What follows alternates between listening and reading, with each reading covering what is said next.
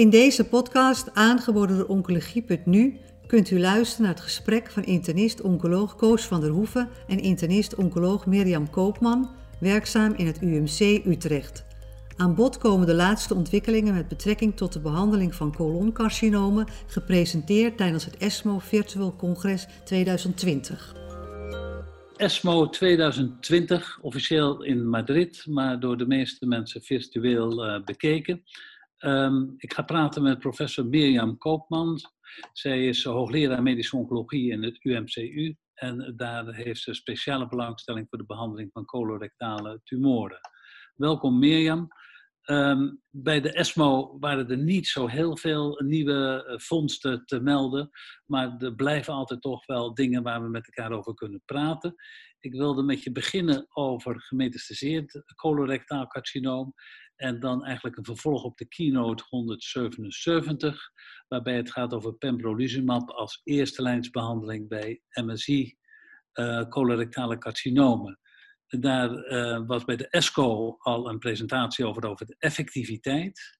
Misschien dat je daar eerst nog iets over wil zeggen. Wat was de effectiviteit van die pembrolizumab in deze studie? Ja, het is natuurlijk een, heel belangrijk resultaat geweest tijdens de ESCO. Hè, met een uh, indrukwekkende langdurige PFS voor de patiënten met een MSI-tumor die uh, de pembrolizumab kregen ten opzichte van de chemotherapiearm. En met name die langdurige respons die viel ontzettend op. En um, daarbij ook, ja, als je kijkt naar het begin van de behandeling, dan zie je dat um, voor de korte termijn de chemotherapie een grotere kans geeft in deze groep op een, op een respons. Maar als je één keer een respons hebt, dan is de pembrolizumab geeft een veel langdurige winst ten opzichte van de chemotherapie. En ik noemde het expliciet omdat ook voor de kwaliteit van leven dit heel interessant was. Hè? Dus als je kijkt naar hoeveel mensen hadden nou progressie van ziekte als beste uitkomst in de pembrolizumab-arm, dan was dat 30%, dus eigenlijk best wel veel. En het omslagpunt lag een beetje in, uh, op 18 uh, eh, weken, of eigenlijk daar net, net, daarna. En als je dan gaat kijken nu uh, wat ze hebben gedaan in de huidige analyse, dan komt hier uh, de kwaliteit van leven bij, waarbij ze drie vragenlijsten hebben uitgezet met een um, exploratief eindpunt. En dan zie je eigenlijk dat die kwaliteit van leven op nagenoeg alle schalen verbetert in de pembrolizumab uh, groep. En stabiel dan wel verslechterd in de chemogroep um, ja, vanaf week 18. En dat was toch wel uh, interessant te noemen. We weten natuurlijk dat uh, uit de praktijk dat immunotherapie over het algemeen uh, veel minder bijwerkingen geeft.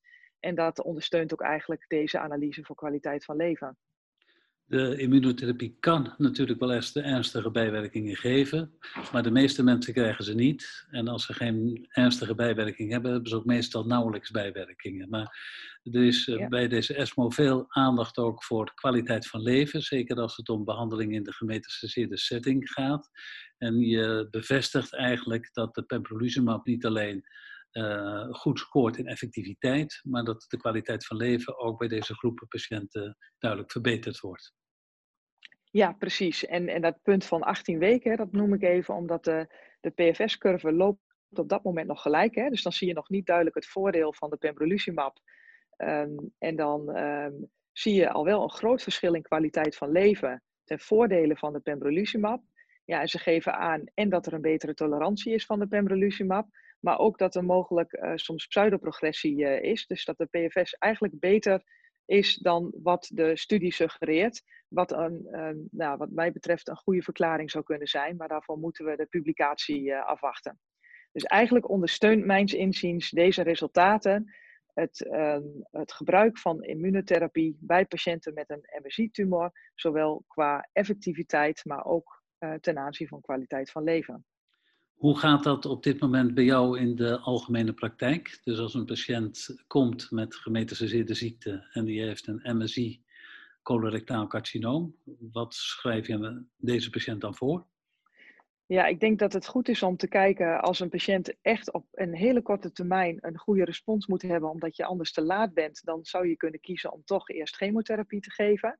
dus dan denk ik aan een patiënt met heel veel ziekte en heel veel klachten, waarbij je gewoon echt één kans hebt. Eh, bij alle andere patiënten bespreek ik deelname aan de studie. We hebben een eh, studie in Nederland lopen, al vanaf de eerste lijn, maar ook voor latere lijnen, waar patiënten gerandomiseerd worden tussen eh, de standaard chemotherapie met targeted therapy. En dan een arm met nivolumab en een arm met nivolumab plus ipilimumab. En die studie die kan dus ook nog worden aangeboden in latere lijn. En dan valt de chemoarm daar weg. Um, als een patiënt niet deel wil nemen aan de studie, ja, dan zit je toch vast aan je standaard uh, middelen die we nu hebben. En dan kijk je in de latere lijn of je als nu, alsnog een patiënt um, uh, kan motiveren om deel te nemen aan een studie. En in de latere lijn hebben we natuurlijk ook nog de mogelijkheid voor immunotherapie in uh.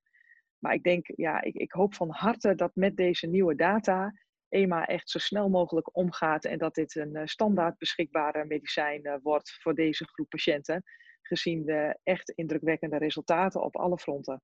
Oké, dat is duidelijk. Um, als, we, eh, als we targeted therapie geven, als we cetuximab geven, dan worden we geconfronteerd met dat er dus soms toch op een gegeven moment resistentie optreedt. En er wordt gekeken naar wat het eh, mechanisme van die resistentie is. En er wordt ook gekeken naar mogelijkheden om daar eventueel wat aan te doen. Er was tijdens de ESMO een, een studie over re-challenge met avelumab en cetuximab bij colorectaal KRAS wild-type uh, gemetastaseerd carcinoom. Wil je daar iets over vertellen? Ja, is op zich wel een interessante uh, studiegedachte, denk ik. Alleen het probleem is dat ze eigenlijk twee vragen in één wilden beantwoorden. Want de eerste vraag is natuurlijk, kunnen we na initiële progressie van ziekte op anti-IGFR bij een ras-wildtype tumor uh, bij een re-challenge alsnog een respons verwachten. Er zijn nu meerdere studies die daarna hebben gekeken en positieve resultaten laten zien. En dan is het idee dat als je start in eerste lijn met anti-EGFR, je hebt progressie, je doet in de tweede lijn iets anders, dat dan die resistente clones uh, tijdens die pauze van de behandeling verdwijnen en dat je daarna alsnog een respons op anti-EGFR kan verwachten. Maar wat ze nu hebben gedaan is niet alleen die re-challenge met cetuximab, maar dan nog avelumab aan toegevoegd. En dan weet je uiteraard niet als je dan een respons ziet, komt het nou doordat je iets nieuws toevoegt? Of is het een re-challenge waarvan we weten dat het bij sommige patiënten goed kan uitpakken, die maakt dat de respons goed is? Nou, het was een fase 2 single-arm studie, 77 patiënten, met wel indrukwekkende overall survival, denk ik, voor toch wel een, ja, een voorbehandelde groep. Maar het meest interessante wat ik eruit haal, is dat ze toch zien dat um, als ze kijken op CT-DNA-niveau naar de rasmutatiestatus, dat die eigenlijk goed voorspelt of die patiënt wel of niet respondeert op dit Risk Challenge schema. En dat dat ervoor pleit dat we dat toch vaker zouden kunnen inzetten om een goede inschatting te kunnen maken um, van de respons en al eerder dan dat we onze scans hebben. Um, nou, dit, dit concept um, moet denk ik verder onderzocht worden. Er zijn veel studies die een soortgelijk uh, regime nu uittesten. En dat moeten we afwachten voordat we hier iets mee kunnen in de praktijk. Maar uh, met het voorgaande verhaal denk ik dat het maar weer onderstreept dat het echt belangrijk is dat we die moleculaire status van onze patiënten met gemetastaseerde ziekte kennen.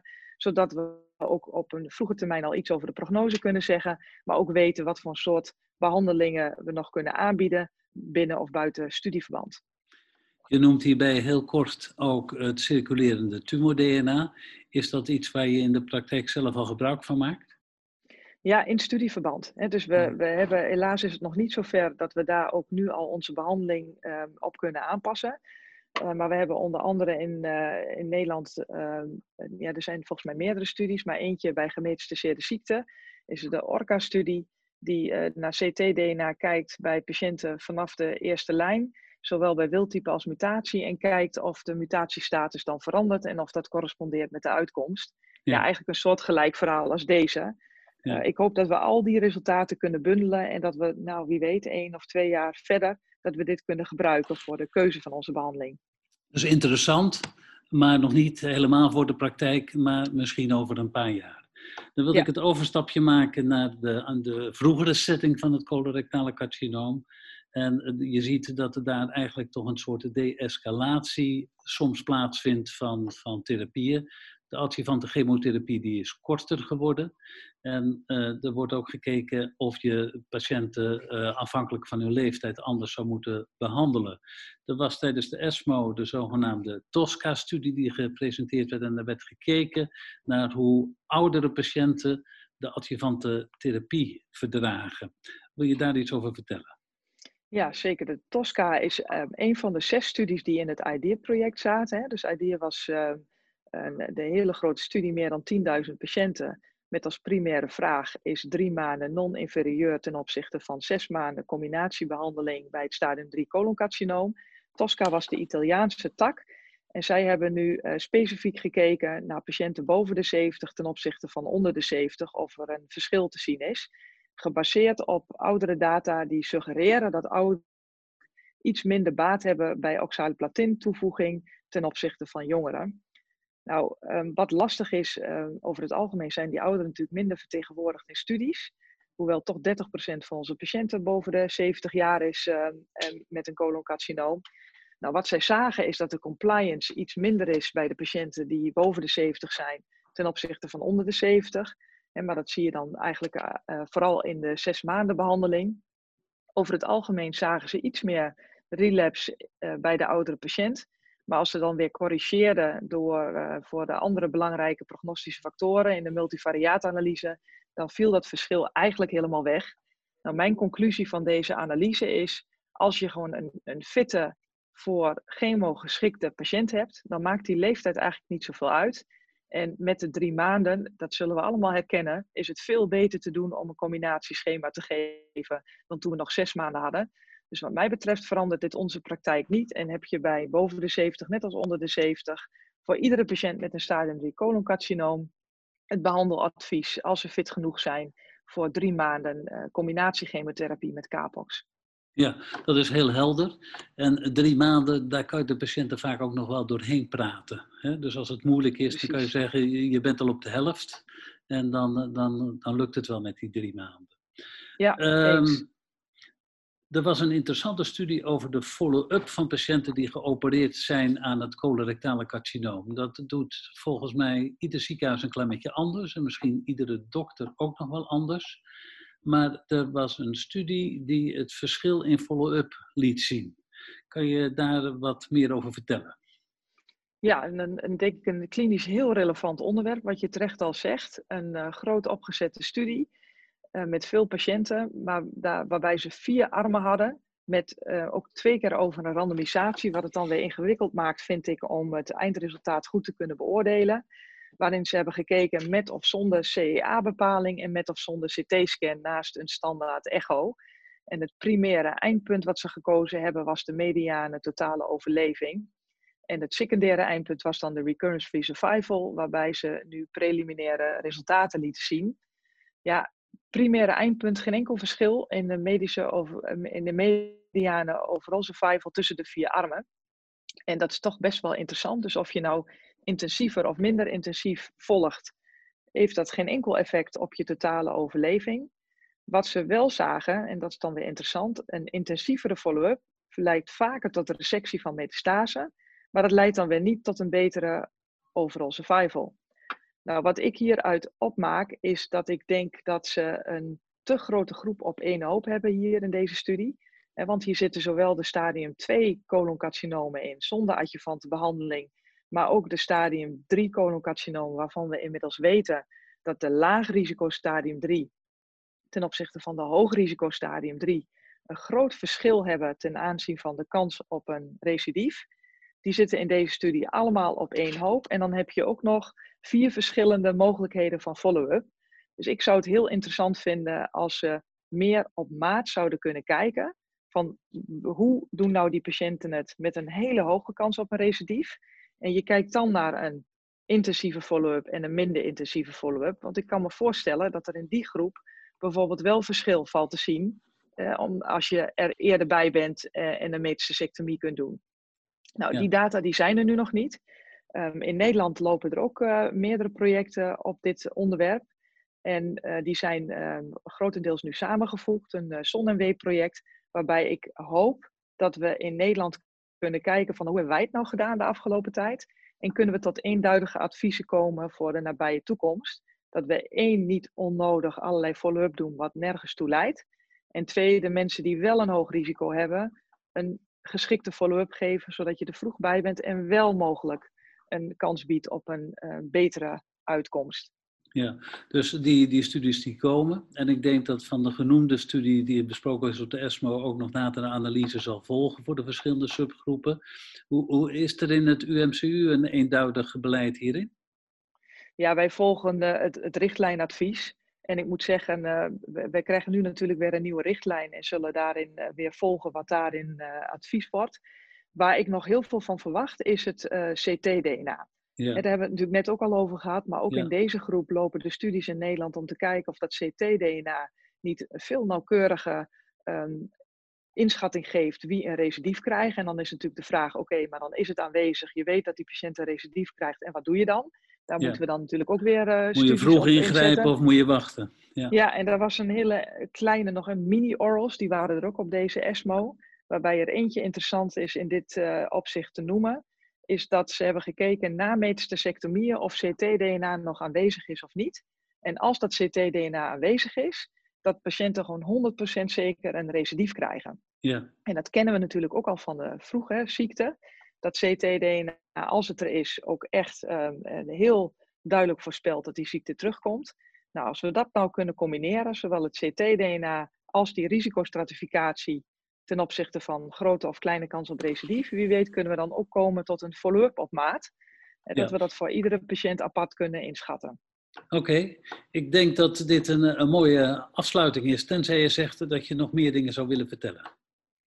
Nee, volgens mij hebben wij de belangrijkste conclusies nu getrokken van deze Oké, okay, nou waren toch, toch weer, uh, weer interessante dingen. Dankjewel Mirjam.